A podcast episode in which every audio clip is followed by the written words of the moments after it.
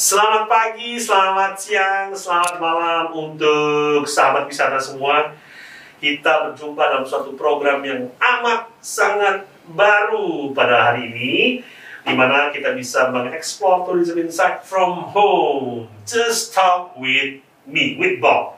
Just uh, talk with Bob, sebuah program yang didesain oleh rekan-rekan dari Politeknik Insight. Wow, luar biasa gitu ya. Dan kita bisa berbincang-bincang seputar dunia pariwisata atau tourism dan di program perdana program awal ini gitu ya kita akan berbincang-bincang dengan seorang uh, rekan.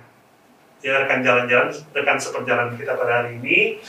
Seorang uh, profesional gitu ya yang bagi saya oh, luar biasa sekali gitu ya dengan latar belakang pendidikan D4 ya di suatu perguruan tinggi di daerah Bintaro juga sekarang lagi program S2 gitu ya dan uh, pada saat ini juga sedang uh, sebagai pengampu di pastinya di kampus kita Politeknik Sains di sini. Ya, uh, rekan seperjalanan kita pada saat ini adalah seorang yang wow, luar biasa sekali karena latar belakangnya pasti pendidikannya pariwisata ya. Dan pada saat ini sedang menjalani pendidikan ya. S2 ya di bidang pariwisata di salah satu perguruan tinggi uh, swasta. Dengan pengalaman ya narasumber kita ini seorang tour consultant wah konsultan perjalanan ya. Dan juga di bagian operations juga di Aviatur dari tahun 2003 sampai 2008 dan di luar pengalaman semua itu uh, dia juga seorang uh, freelance tour leader anggota dari Asosiasi Tour Leader Indonesia atau Indonesian Tour Leader Associations. Dan yang pasti bersertifikat kompetensi di profesi tersebut. Dan uh, kita sambut rekan seperjalanan kita Sis Kenny. Selamat pagi, siang, selamat siang. Sis Kenny pada saat ini. Biar lengkap sama pagi siang juga. Pagi siang juga, Iya. malamnya juga nanti. Malamnya nanti gitu. aja. Selamat pagi dan siang, gitu bilang siang untuk Sis Kenny. Eh, nama nama lengkapnya eh, apa? Nama Nah. lengkap boleh? Agak panjang ya, kayak Hmm. kereta api. Linda Kenny Peristika Daulay. Linda Kenny Peristika Daulay. Daulay. Daulay ini dari mana? Dari Sulawesi Selatan atau Sulawesi Eh, Utara? kah? Kebetulan Sumatera Utara. Oh, Sumatera Utara. Ya, Daerah mana? Daerah Mandailing. Karo? no, Mandailing. Oh. Lebih tepatnya Mandailing Natal. Jadi kalau Daulay itu ada dari Kutanopan juga. Ya. Kebetulan orang tua saya Mandailing dua-duanya. Oh, mana yang dua-duanya? Ya, ibu saya Nasution, bapak saya Daulay. Oh, Satu dari Sairma Tinggi, satu dari Kutanopan. waduh. Tapi lahir di Jakarta. Nah, oh. KTP-nya doang gitu ya? Ah, Kebetulan sih bisa bahasanya kebetulan karena sudah dibiasakan dari kecil di rumah orang tua itu conversation dengan bahasa Mandailing. Oh, pakai bahasa Mandailing ya? Iya. Ya, Oke. Eh, nanti kita belajar bahasa Mandailing ini juga boleh. Saya panggil apa nih? Kenny, Kenny? Yap. Oke. Saya panggil eh, Ken, Cie, Kenny, gitu ya. ya. Baik. Biar lebih seru gitu ya, kita udah social distancing nih, jaga gitu ya, protokol kesehatan. Nah. Karena jarak udah satu setengah meter lewat gitu ya, kita copot aja biar lebih ya. seru. Ah, Nah, Lebih jelas, kan? topengnya. biar kelihatan pipinya tembemnya bagaimana gitu ya. Betapa seksinya ya. Baik, eh, Ken, gitu ya. Sebenarnya bisa nyemplung di dunia eh, pariwisata gitu ya. Pariwisata tuh gimana sih? Dulu memang memang mau di dunia pariwisata atau eh, sebenarnya mau jadi apa dulu sebelum jadi eh, berkecimpung di dunia pariwisata? Namanya dunia pariwisata. Oke, Dan dari I have to fight one year for Hmm. uh, to apa ya? Fight untuk uh, orang tua ya, supaya bisa masuk dunia pariwisata. Karena Oke. konotasinya mereka dulu, Ya. dulu mungkin kan dunia pariwisata nggak segitunya ya. hmm, Kalau di 90-an kan tahun 90-an belum terlalu gimana ya ngomongnya ya. Belum sehip sekarang. oke, Yang namanya kita naik pesawat itu baru tertentu. oke. Kalau Belum sehip sekarang. jadi seperti apa? ya, Produknya itu masih produk mewah lah gitu. Betul, masih masuk Iya. kategori mewah. Kan- Jadi eh, dan konotasinya kan hura-hura. Hmm, iya juga sih. Ya, konotasinya hura-hura. Iya, Jadi oke. ada kekhawatiran orang tua karena saya perempuan untuk kecemplung dunia di situ, Nah, apakah safe untuk saya in the future? Oke. Gitu. Jadi I have to fight satu tahun untuk bisa saya masuk meyakinkan orang tua supaya bisa masuk ke dunia pariwisata. Biasanya keberatannya apa sih? Oh, Ya itu karena mereka khawatir saya nggak bisa hidup teratur. Hmm. Dalam artian ya, again saya bilang, Hmm. dunia pariwisata konotasinya dengan hura-hura. Hura-hura. Ya itu kekhawatiran mereka. Dan mereka maunya jadi apa sih sebenarnya?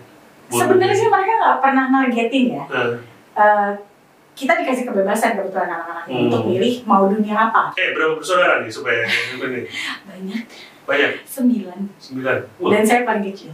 kalah saya saya cuma cuma setengah lu sih. Lima ya, ini udah sembilan. dari eh, satu kakak saya meninggal Hmm. dari bayi bayi. Jadi, ya. Jadi dari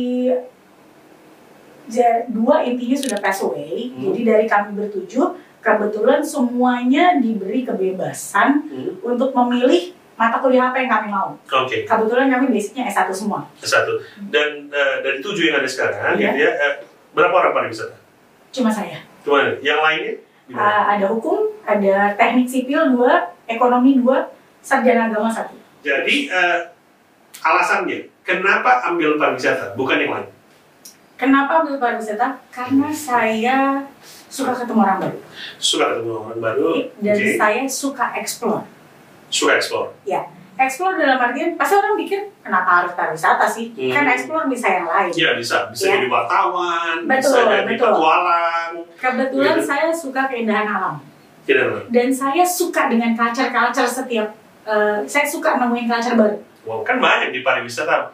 Bisa saja di perhotelan, itu pariwisata juga. Bisa saja di objek wisata, bisa saja di travel agent, gitu. Kalau mau jalan-jalan seperti itu, jadi mau jadi apa sebenarnya waktu itu? suka kerja di belakang meja sebenarnya. Maunya di depan meja, bukan ya? Nongkrong di depan meja. gitu. Jadi di belakang meja nggak bisa. Jadi Eh, lebih suka ke lapangan. ke lapangan. gitu. Tapi kalaupun ada di belakang meja, saya nggak mau full. Hmm. Dalam artian bukannya saya antipati banget juga dengan di belakang meja. Hmm. No, saya bisa doing clerking or everything gitu Iya, lah ya, maksudnya administrasi segala macam saya bisa Hmm. melakukan itu. Tetapi saya tidak suka yang monoton orangnya. Yang monoton gitu, Iya. yang, yang rutin gitu Iya, ya. yang continu- continuing hanya itu aja. Terus kalau di lapangan, jadi profesinya apa Eh, tour guide or tour Tour, leader? oh, oke, tour, turis guide ataupun tour leader ya? Iya, Wow, itu turis guide, tour leader seru juga tuh kalau jadi. eh, Tapi sebenarnya ngapain aja sih kalau jadi yang turis guide, tour leader itu? Mereka kerjanya apa? kita duta, duta budaya dari Indonesia. Keren. Jadi kalau misalnya mau jadi duta, dia duta duta orang bilang, oh mau jadi duta besar, ya. Tapi ini duta besar budaya gitu. Iya. Ngapain aja sebenarnya seorang turis guide, seorang tour leader itu apa saja sih? Mungkin yang Nah, ini Ngapain? yang orang konotasinya banyak, hmm, banyak salah. Ya, Eh, persepsi dan pengertian. oke. In general, pramuwisata. Oke, in general In general Oke, pramuwisata. bahasa Indonesia. Jadi turis guide itu Iya. pramuwisata. Oke. Tapi dari pramuwisata sendiri itu sebenarnya ada tiga bagian. Waduh, Ada yang namanya local guide, local guide, ada yang namanya tourist guide, tourist guide. Ada yang namanya tour leader atau pemimpin grup. Oke, jadi pertama ada local guide. Iya. itu. Terus kemudian Tourist guide, turis guide itu Nah. pramuwisata umum gitu iya, ya. Terus satu lagi eh, tour leader. turis dan pemimpin Nah, dalam wisata. ada yang masih rancu juga perbedaan antara, lo- antara local guide Local dan eh, tourist guide. Oke. Oke, kalau local guide itu in general, dalam artian kita menerima eh, turis dari luar negeri ke Indonesia datang. Oke, datang ke Inbound Indonesia. kita sebutnya Oke, istilahnya ah. ya. Jadi misalkan orang Amerika mau ke Indonesia, Hmm. kita yang sambut, kita Oke. yang ajak dia jalan-jalan, let's say Di mau ke ya. Bandung Ah. atau ke Bogor Oke, oke. atau ke daerah yang ada di Indonesia, Nah, oke? Lalu kalau turis guide, dia spesifik, hmm. spesifik dalam artian dia hanya berkutat di museum, Oke. more detail dan mereka ada certified-nya lagi. Oh, ada chef, ada di Indonesia itu khusus ya? ada. Jadi di Indonesia itu kita ada punya namanya HPI, Himpunan Pramuwisata Indonesia. Oke. Nah, kalau kita memang seorang local guide or tourist guide yang uh, qualified, Hmm. kita harus certified dari HPI. Karena dia Oke. diakui sama dinas pariwisata dan dia ada dinas pariwisata. Oke, jadi mereka ada ada lisensinya ya, Yap. ada lisensinya, terus Jadi ada bukan bodong-bodongan lah. oke ada sertifikasi kompetensinya juga ya. Iya, karena kan ada ada kriteria yang kita harus tahu. Hmm. Kalau orang mungkin ngelihatnya sekedar ajak jalan-jalan aja. No, Hmm.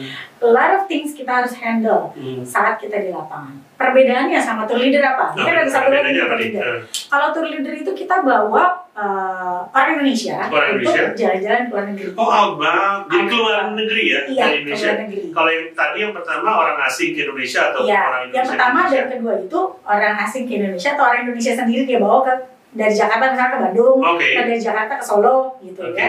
Itu yang satu sama dua. Kalau yang itu lokal dan uh, turis guide tadi ya. Iya. Kalau yang uh, tour leader, Kita outbound keluar. Nah di sini juga kenapa kita bisa dibilang duta budaya? hmm, Kita yang harus mengingatkan standar di luar negeri itu seperti apa. Dalam artian eh, setiap negara itu kan punya rules sendiri-sendiri. ya punya peraturan, punya Ya, adat istiadat, Betul, punya kebiasaan. Exactly. Hmm. Nah, kita sebagai kepala rombongan Hmm. mungkin nggak well aware semuanya atau nggak nggak nggak segitu sadarnya Hmm. atas semua peraturan ini Oke. supaya nama Indonesia tidak jelek di luar dengan Oke. konotasi mungkin yang paling sering kan buang sampah sembarangan ya. Gitu ya, aku. iya sih.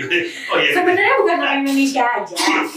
Eh, banyak orang masih eh, apa ya kesadaran untuk buang sampah itu suka sembarangan Ya. kalau tidak menemukan tempatnya. Hmm. Tapi kebetulan mohon maaf banget, mohon maaf dan saya sedih dan saya sedih. Eh. Jujur saya sedih sebagai orang Indonesia. Eh, Kebetulan belakangan ini sih kesadaran Indonesia udah lebih tinggi ya.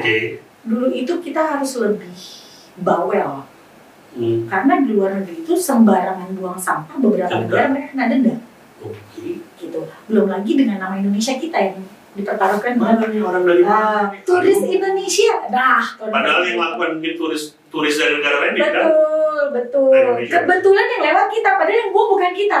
Waduh.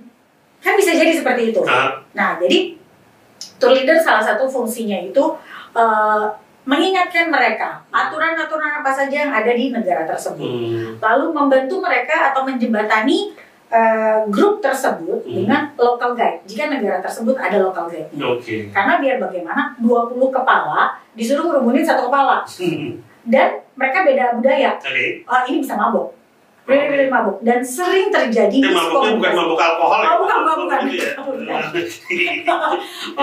Pusing karena Pusing. miskomunikasi. Miskomunikasi. ya komunikasi yang nggak nggak timbal baliknya nggak oke lah Oke. gitu kan nah inilah gunanya si tour leader menjembatani kita kan tahu budaya kita Iya. masyarakat Indonesia Hmm. culture-nya seperti apa eh, yang namanya harus adat ketimurannya tinggi Oke. eh, kita harus sopan santunnya Hmm. belum tentu negara yang kita tuju mereka menjunjung tinggi adat seperti itu Ya, sangat individualistik Iya. Exactly. Nah, eh, si local guide sendiri ini kan belum tentu paham juga dengan budaya kita, Hmm. ya. Ini kalau yang tidak pakai tour leader, yang selama ini pengalaman saya sering Hmm. terjadi clash karena miskomunikasi. Miskomunikasi. Miskomunikasi ini fatal. Bukan hanya masalah apa yang disampaikan, tapi ada ada istiadat ya. Betul. Kebiasaan yang mungkin Betul, nyambung gitu. betul. Itu yang nggak nyambung jadi kan. Hmm. Padahal niat dia tidak marah menyampaikan, Oke. tapi intonasi atau cara dia dengan tegasnya orang Indonesia pikir marah, padahal Oke. tidak, gitu. Karena Hmm. culture kita kan ada bahasa basi, Hmm. bukan bahasa basi konotasi jelek ya, Ya. tapi ada bahasa pengantar yang lebih Kata nice, keramanya kata gitu. keramanya gitu. Nah, inilah salah satu fungsi tour leader tersebut. Waduh, ini menarik. Nanti kita bicara juga tentang eh, komunikasi antar budaya ini gitu ya. Hmm. Komunikasi antar budaya. Jadi eh, sahabat eh, wisata gitu ya, kita masih dalam perjalanan yang sama dengan rekan seperjalanan kita Kenny di sini dan kita akan lanjutkan untuk berbincang-bincang dengan eh, le- sesuatu yang lebih menarik lagi di sesi berikutnya dan kita masih dalam program Just Talk with Bob. Kita kembali dengan rekan kita, rekan seperjalanan kita, uh, Sis Kenny yang ada di studio pada saat ini. Uh, Ken, ini Yes. uh, situasi pariwisata pada saat ini. nih. Mungkin kalau di Indonesia ya kita tahu ya beritanya dari mana-mana. Tapi untuk uh, travel agency sekali ya, biro penjualan wisata ataupun tour and travel, kondisinya seperti sekarang seperti apa sih uh, selama pandemi ini? Gimana nih? Kenapa kasihan? Hmm. Karena eh, seperti kita tahu ya, Hmm. pariwisata sekarang terpuruk. Yang Terpuruk. paling kena dampak Lagi tiarap semua ya gitu ya. semuanya tiarap. Hmm. Jadi sebagian travel eh, even yang top 10 ya, kalau yang sudah masuk 10 list besar, 10 besar, 10 besar travel agent. itu mereka banyak merumahkan karyawan Lembaga karyawan. ya atau mereka tidak merumahkan mereka masih membayar gajinya sekitar 10% Oke. tetapi memberikan kebebasan kepada staf tersebut mau datang ke kantor atau tidak Ya karena kan semua kegiatan pariwisata hampir kalau nggak mau dibilang nol gitu ya, mendekati ke arah nol ya hampir tidak ada ya. betul cuma kebetulan Hmm. step by step udah mulai recovery dikit-dikit Sudah mulai ya? kenapa bisa dibilang recovery dikit-dikit karena sudah ada beberapa negara yang buka pariwisatanya Oke. sejak akhir tahun kemarin Oh sejak akhir tahun kemarin. ya? start Oktober ya kalau saya nggak salah Oktober, oke. itu ada beberapa negara eh, mereka sudah buka untuk turis Oke. dengan standarnya yang pasti harus PCR. PCR, Ya, oke. jadi ada beberapa negara yang mereka eh, satu dua negara mengharuskan sebelum kita masuk kita PCR dulu PCR. PCR-nya di Indonesia atau di di negara? Oke di Indonesia PCR PCR. Indonesia karena kan cuma during waktu jam let's say 7 jam penerbangan Ya. atau 12 jam penerbangan masih kurang dari 24 jam. Bukan antigen ya? Bukan, PCR, PCR, PCR, PCR, oke. beda. Karena kalau antigen kan nggak terlalu Kalau antigen tuh disodok-sodok gitu, gitu ya. Aduh, antara geli geli geli geli, geli sedap gitu. Kadang-kadang Jadi be- mau mau mau nangis dan mau bersin tapi nggak bersin bersin gitu. gitu. Oh, iya. Kalau kalau PCR beda ya lebih lebih beda lebih dan detail. hasilnya sendiri lebih detail lebih akurat. lebih detail ya. Ya. Oke. Jadi kalau si antigen sendiri itu kan lihat reaktif dari udah ada virus atau belum Iya, di badan kita gitu. Eh, well, anyway, Oke. eh, ada juga negara yang tidak mengharuskan PCR. Oh tidak mengharuskan PCR. Ya. Jadi Terus, kita masuk Treatmentnya bagaimana? treatmentnya ini. Eh, kita masuk PCR keluar dari Indonesia, Oke. oke? Dia bawa hasil PCR karena memang harus karena keluar Kalau dari dari Indonesia PCR. harus uh, mengharuskan ada si PCR tersebut. Hmm. Sampai sana, uh, terus seperti biasa. Tapi standarnya memang ada social distancing ya. Ada social distancing. Dalam satu bus itu misalkan kapasitas 45 orang, Hmm. bus besar. Bus ya. besar. Uh, hanya diisi setengahnya. Ntar lu, kalau ngomong besar itu ngelihat ke saya keyakinan gitu. Kalau saya agak agak Oh, itu nggak sengaja gitu, loh. ya. Bukan karena gitu bes besar. Gitu. Kayaknya Iya. penekanan sekali ya. Iya, kayak gitu. loh. Bukan bus aja begini, bus kapasitas 45. Ini bus besar gitu ya. Sambil ngelihatnya ke sana, aduh, aduh, maaf ya sahabat eh, wisata sekalian, agak, saya agak merasa gara-gara lagi pandemi begini ya, mungkin gara-gara from home terus Besar gitu. itu benefitnya banyak. Oke, Kenapa? Hah? Kebanyakan lebih healthy. oke, Karena lemaknya banyak. Oke, balik ke yang kapasitas 45 tadi. Oke, Oke, terus? jadi di sini setengah. Setengahnya itu biasanya hanya 20. Oke, 20. ya dengan jarak duduk pastinya. Iya. Ya, Eh, ditambah dengan driver, lalu eh, local guide dan tour leader. Hmm. Jadi kurang lebih 23 orang Iya. dalam satu bus ini. Hmm. Itu untuk standar eh, selama perjalanan. Iya. Lalu untuk restoran bagaimana? Nah, restoran bagaimana? Nah, kan banyak restoran ditutup nih. Hmm. Banyak restoran yang cuma bisa take away, Ya, betul. nggak bisa dine in. Nggak bisa makan ketat, Ah. gitu ya. Nah, ini biasanya kita mengambil eh, negara ini memberlakukan kita dinner di hotel. Oke. Atau kalau memang kebetulan di- jaraknya jauh, Hmm. jaraknya jauh, mereka pakai box. Box. Ya. Wah itu dulu kalau misalnya berwisata seperti itu kan nggak ada tuh box semua makannya selalu di Betul. restoran. Selalu kan konotasinya kalau box itu kayaknya nggak lapar banget. Iya, apalagi buat saya pasti kurang itu box. Bisa dua. Iya.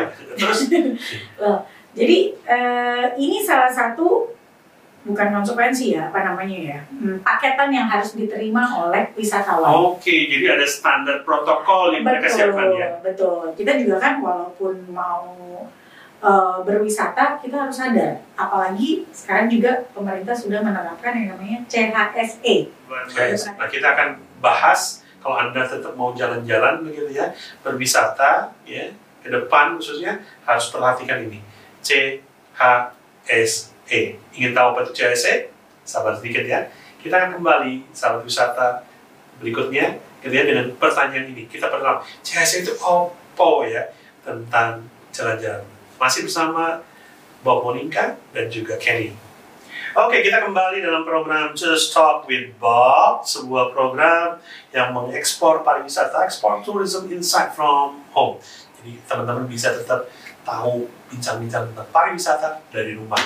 Masih bersama rekan seperjalanan kita, yaitu Sis Kenny di sini. Tadi kita lagi bicara tentang satu hal yang uh, perlu kita ketahui pada saat kita berwisata, yaitu mengenai CHSE cleanliness ya clean ya. Masalah harus bersih terus masalah sehat sanitasi dan juga uh, environment. Sebenarnya uh, kena pada saat kita berwisata kenapa keempat ini harus kita perhatikan Siskan mengenai CHS ini. Kenapa sih berwisata uh, harus memperhatikan hal-hal tersebut? Oke. Okay. satu kenapa pemerintah langsung makin menegakkan ini yeah. ya situasi kita sekarang masih di masa COVID pandemi. Situasi sekarang ya, ya. mau nggak mau ya, kita ya. lagi eh, lagi pandemi. pandemi. Nah, nggak mungkin dong pariwisata kita stop. Tidak mungkin pariwisata terhenti total. Iya. Gitu ya. Kenapa? Karena kan kita, kita tetap harus mempromosikan betapa indahnya Indonesia. Iya, dan ya. ada masalah ekonomi juga ya. Betul, devisa segala macam. Betul, itu betul. ada pengaruh dan hubungannya. Iya. Ya, jadilah keluar ini empat hmm. ini. Hmm. Ya, kesehatan udah pasti. Yeah. Kita yang namanya social distancing, yeah. ya jaga jarak ya, yeah. jaga jarak dengan protokol kesehatan yang jelas, mm-hmm. kesehatan. Kalau kita tidak sadar atas uh, kondisi tubuh kita masing-masing, okay. bagaimana kita bisa uh, menjaga orang lain juga. Oh, Dalam artian seorang ibu mm. tidak sadar atas kesehatan diri dia sendiri. Yeah. Memang kebanyakan kan kalau ibu-ibu, kebetulan saya ibu, mm, okay. jadi lebih menyepelekan kesehatan dia, lebih mengedepankan kesehatan keluarga. Iya. Ya, tetapi saat ini nggak bisa juga seperti itu. Hmm. Kenapa? Kita harus cukup sadar diri kalau sudah ada uh, ibaratnya gejala-gejala. Gejala-gejalanya. Ya. Iya, walaupun sekarang COVID itu banyak juga yang kita sebut OTG, ya. orang tanpa gejala. Orang tanpa gejala ya. Iya, orang tanpa. Jadi dia nggak tahu bahwa dia sebenarnya itu ada. Ada positif, sudah positif. Sudah positif, tapi ya. dia nggak. Betul.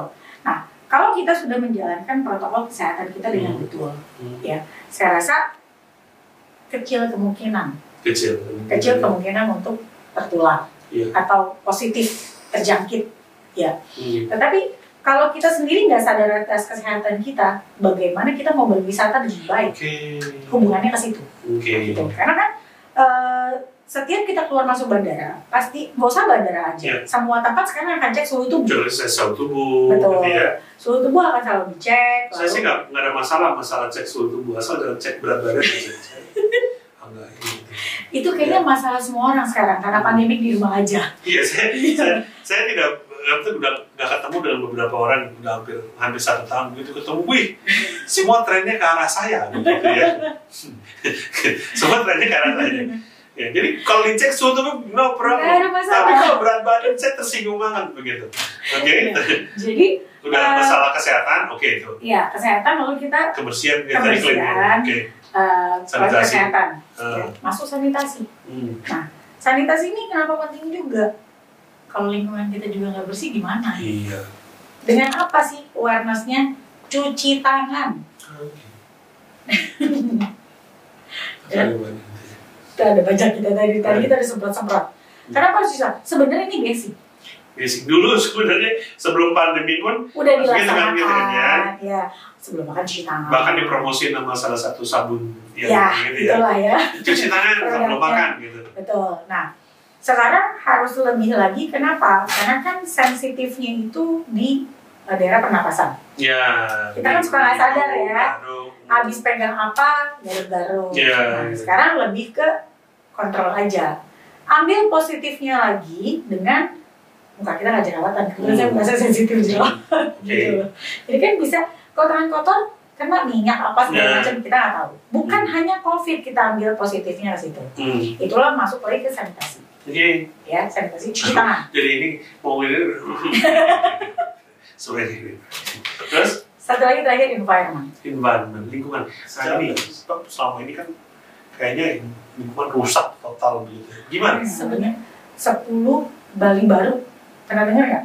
Ya, 10 Bali Bali ada 10 gimana cara? Jadi Tapi Bali paling itu kan kota. ikon di Indonesia. Oke. Mau orang luar negeri, orang luar negeri banyak kan taunya Bali bukan Indonesia atau Kamu lebih Jakarta. tahu Bali daripada Exactly. Indonesia. Oke. Jadi malah some of them, sebagian dari mereka tidak tahu kalau Bali itu punya Indonesia. Bali itu ada di Indonesia gitu. Iya, betul. Makanya dengan segitu tenornya Bali, kita sebut 10 Bali baru Oke. gitu. Ya. Nah, pemerintah lagi promoin ini nih sejak pemerintahan Pak Iya, Jokowi iya. ya. Eh, kita menaikkan yang namanya 10 Bali baru ini. Oke. Environment. Nah, inilah infrastrukturnya sekarang sedang digencarkan. Oke. Dengan apa sih infrastrukturnya? Penginapan yang layak, Oke. pemberdayaan UKM, Oke. UMKM, UMKM UMKM uh, Rakyat lokal, kecil gitu, ya lokal, oke. kecil. Jadi bukan hanya pariwisatanya aja, tapi uh, pemberdayaan lokal, pemberdayaan ekonomi lokal ya. juga, ekonomi lokal dengan uh, handicraftnya atau kerajinan tangannya, makanan lokal setempat, Hmm. itu kan masuk ke dalam souvenir ya, oleh-oleh Iya. yang kita bisa bawa. Oke. Gitu. Ini masuk related ke dalam si environmentnya juga. Tapi ya yang menarik apa? Karena tadi dibilang eh, masalah makanan gitu ya. Mhm. Kayak 10 Bali baru ini gitu ya. Ya, mau mau hubungannya dengan tadi ya CHSE itu juga ya. Betul. Oke. Jadi semuanya memang akan selalu berhubungan. Oke, lanjut yang ke 10 Bali baru itu Hmm. mengenai environment. Jadi ba- bagaimana sih ini kalau misalnya dengan 10 Bali baru apa jadi itu? Danau Toba, Ya, li, apalagi tuh? Uh, Mandalika, Mandalika, terus kemudian Labuan Bajo, Borobudur, Borobudur, Labuan Bajo, terus kemudian masih banyak lagi lah, Iya. gitu ya. kurang lebih itu. Kurang lebih begitu lah ya gitu Iya. ya. Nah seperti itu. Jadi eh, harus memperhatikan CS ini pada saat kita berkunjung kalau mau berwisata di bergulir lebih lebih lanjut. Covid pun sudah dijalankan. Oke. Pada dasarnya sudah kita jalankan. Pada dasarnya Tapi kita insan pariwisata sudah menghimbau itu terus, oke. ya. Eh, tetapi mungkin karena tidak spesifik dengan kata-kata CHSE Hmm. dan tidak terlalu digembor-gemborkan, Iya. tapi pada dasarnya kita sudah menjalankan kalau kita dari insan pariwisata. Oke. gitu ya karena eh, setiap daerah dengan pengembangannya masing-masing gitu Hmm. kayak gini deh contohnya Malang Oke. Dulu orang kenalnya taunya dengan apel dan jalan kita mau ke Bromo Bakso. Oh makanan lagi. gitu Terus, ah, ya terus. kan mereka punya satu museum sendiri lalu mereka punya zoo sendiri gitu dan itu eh, kebetulan saya udah pernah ke sana. Hmm. Itu keren banget ya. exactly Itu yang namanya eh, museum transportnya mereka ya. iya Itu saya bilang mungkin one of the best and paling lengkap di Asia kalau Ya. mau dibilang di dunia.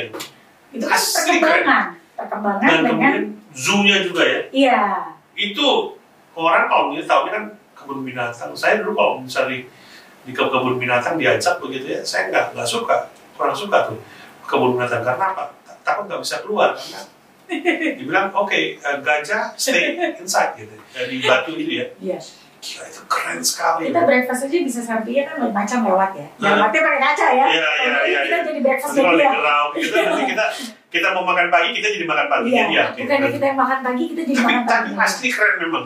gitu itu kan perkembangan Iya. masuk lagi environment yang tadi saya bilang Oke. Eh, dia sudah belajar standarnya seperti apa Malang sudah mempelajari doing research Ah, ya kan mempelajari akhirnya dia mau membuat lebih ekstra lagi Oke. di atas standar tata rata gitu Hmm. kayak sekarang itu loh eh, kotanya standar protokol kesehatan Oke. segitu aware-nya Iya. gitu loh sampai yang melanggar standar protokol kesehatan Betul. ditutup sementara Iya. sampai dia benar-benar eh, ibaratnya ngikutin rules yang ada lagi Hmm. baru dibuka lagi Waduh. Jadi ini keren, keren juga ya dalam situasi pandemi seperti ini gitu ya bahwa sesuatu mengenai standar protokol kesehatan itu terhadap eh, destinasi wisata gitu ya ataupun objek wisata jadi lebih lebih apa ya lebih ketat ataupun lebih untuk ditegakkan lebih lebih disiplin lah bahasanya ya. gitu ya. Iya. Jadi ada sesuatu yang seakan-akan dipaksakan.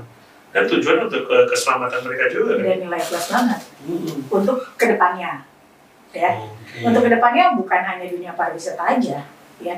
Untuk negara sendiri Oke. karena apa kita jadi terkenal lebih uh, sadar lingkungan Hmm. dan itu salah satu daya tarik juga untuk uh, menarik wisatawan luar ke sini. Nah, jadi, Jadi- saya lihat ini ya kalau CHSD gitu, CHSD sekarang kita tahu kenapa eh, wisatawan juga lebih seneng ke negara tetangga kita ya, jiran ya, untuk berwisata. Padahal kan objek wisata kita lebih lengkap ya, Oh lebih oke banget. lebih lebih keren mungkin paling lengkap kelas dunia. Nanti kita bicara khusus tentang itu. Tapi dengan yang lebih sederhana, nanti bersih sejuk, eh, indah, ramah tamah, dan penuh kenangan gitu ya. Iya. Duh, ini kalau ngobrol terus eh, kayaknya nggak bisa habis nih waktunya. ya, tapi eh, waduh tanpa terasa udah luar biasa sekali bincang-bincang kita dengan eh, rekan perjalanan kita si Skenny. Kita eh, akhiri, mungkin ada himbauan kepada sahabat wisata yang sedang mendengarkan program ini atau menyaksikan program ini. Sebenarnya tips bagi mereka Eh, kembali dengan semua yang kita bahas tadi untuk jalan-jalan ke destinasi wisata ataupun berwisata dalam situasi yang seperti sekarang dan yakin nanti akan menjadi lebih baik pasti tipsnya bagaimana sih kalau mereka mau melakukan perjalanan pada saat-saat seperti sekarang ini si Kalau dibilang gak boleh jalan-jalan, nggak mungkin. Hmm, Kita biar bagaimana butuh hiburan.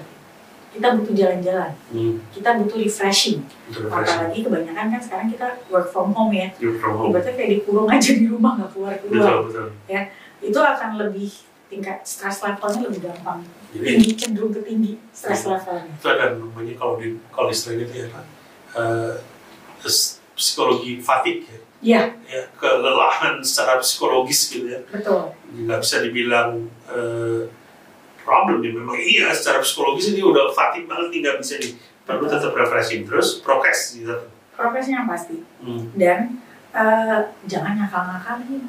jangan kalian maksudnya Maksudnya gini, jadi kalau misalnya ada disuruh cek antigen atau apa gitu ya atau PCR, pakai surat palsu doing the right thing. doing the right thing ya. Ya, doing the right thing. Ikutin standar. ikut standarnya Kalau kita memang belum sanggup untuk melakukan traveling itu Mhm. atau perjalanan itu, Iya. jangan dipaksakan. ya Yang nantinya akan berakibat fatal buat diri kita sendiri juga. jangan khawatir kalau bisa dicek gitu ya kayak misalnya saya nih kalau perjalanan misalnya peraturan surat palsu ya. nah jangan itu jadi ya jadi kalau usah pakai surat-surat palsu kayak saya saya terima waktu itu saya cek antigen negatif tapi ada positifnya juga. Dia bilang apa? Obesitasnya positif dia bilang gitu. Waduh saya tersinggung banget itu. Aduh ternyata di pihak kesehatan bukan di sini aja nih. Ya maklum ya mohon karena work from home dikunci gitu ya. Negatif ya COVID-19 negatif obesitas ya positif. Oke. Kok bisa ya gitu? Di kota kita sendiri juga bisa. Bisa ya Seperti Pluit itu kan ada pantai. Iya. Kita kan bisa berwisata sama anak-anak kita ke pantai itu aja. oke Ya, jadi fokusnya refreshing. jadi fokusnya bukan di destinasi semata tapi di aktivitasnya kan Betul. kualitas wah jadi, jadi ini nanti kita bisa ini nih jadi satu masukan bahwa destinasi bukan semata-mata itu tapi juga aktivitas kebersamaan tetap ada kan oke Karena dengan uh, jalan kaki, Mhm, satu benefitnya kita lebih sehat, mhm, mhm. ya kan? tuh saya lihat jalan kaki lihatnya kaki gitu lagi oke terus Ya, jalan kaki jalan kaki. Atau sekarang kan kita kan bersepeda nih. oh ya sepeda Iya. nah Uh, tapi tetap harus uh, sadar diri kapasitas kita tuh bisa sejauh mana dengan ke museum up dengan bersepeda dari Oke. rumah ke museum up let's say kita bilang lah Gajah kan ada dulu. museum gajah Ah, kalau ada kan gua ya sorry sorry sorry sorry, sorry. ada museum gajah atau museum nasional ya sorry museum, Museum nasional. gitu ya aduh. museum nasional. Kenapa pilihnya yang sangat kok apa asosiatif banget gitu? Terus? Museum nasional. Kalau sesama daerah pusat paling berapa kilo sih? Jadi ya kan? Karena kan kebetulan museum nasional ini memang di tengah kota Iya. Jakarta Pusat. Kalau kayak saya kebetulan rumah saya di Jakarta Pusat. Jadi paling hanya dua kilo satu kilo. Gila, satu dua kilo. Eh. kan kita bisa break dengan per berapa? 500 meter misalkan Oke. kapasitas kesehatannya dia stop dulu Hmm. tarik nafas atau cari taman yang deket Iya. gitu. Jadi kan itu sama juga kita bisa bilang berwisata. Oh, Oke, dia stop di taman santai ngobrol betul. gitu ya. lalu dengan eh, kita memperkenalkan ke anak-anak kita.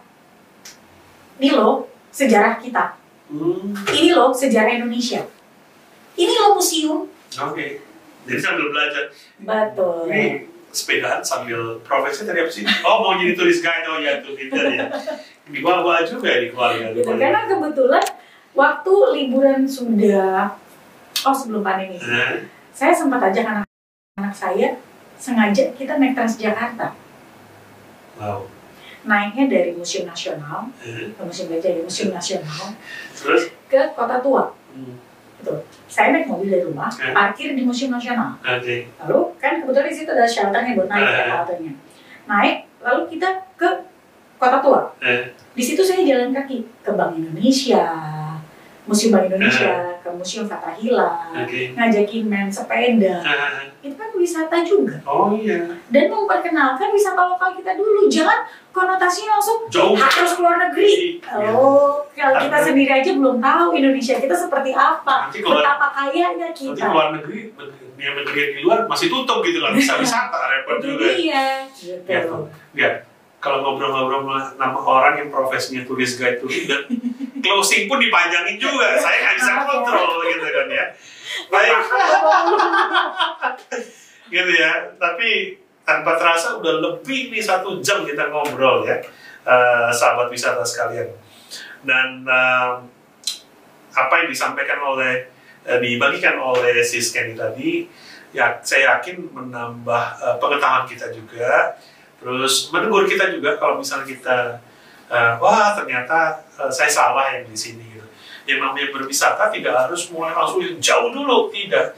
Sebenarnya coba explore, cari di lingkungan yang dekat, lakukan aktivitas yang relatif sederhana dan bukan fokusnya di destinasi saja, tapi kualitas aktivitas ber, ber, berwisatanya yang penting.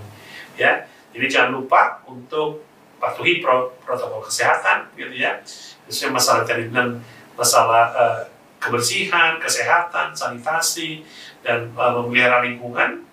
Dan dari situ, gitu ya, ya Kenny ataupun ki- kita semua bisa yakin bahwa kita bisa berwisata dengan aman dan relatif nyaman di kondisi seperti sekarang tanpa khawatir gitu ya, terlalu dengan memperkecil resiko yang ada dengan mematuhi protokol kesehatan yang ada. Betul. Oke. Thank you loh udah diajak sharing. Nah, sama-sama gitu ya. Saya diingatkan bahwa saya cukup luas, lebar gitu ya. Terus kemudian diingatkan, sahabat uh, wisata sekalian, terima kasih untuk uh, uh, kebersamaannya. Sudah bisa mau menyaksikan program ini, sebuah program yang luar biasa yang dirancang oleh rekan-rekan dari uh, Politeknik Sahid, sebuah program tentang bincang-bincang pariwisata di mana kita bisa ekspor tourism from home ya dalam program uh, Talk with Bob pada saat ini. Sekali lagi terima kasih Sis Candy, Sama-sama. sukses gitu ya untuk Thank you, sukses juga bos. terima kasih sudah jadi rekan seperjalanan kami semua di sini dan yang pasti kita akan ketemu lagi ya. Suatu kapan kalau bisa diundang sini jangan bosan-bosan ya. Sip. Oke, terima kasih Sis Candy, terima kasih sahabat uh, wisata sekalian. Kita berjumpa dalam program Just Talk with Bob, gitu ya, sebuah program ekspor tourism dari rumah yang berikutnya lagi. See you next time.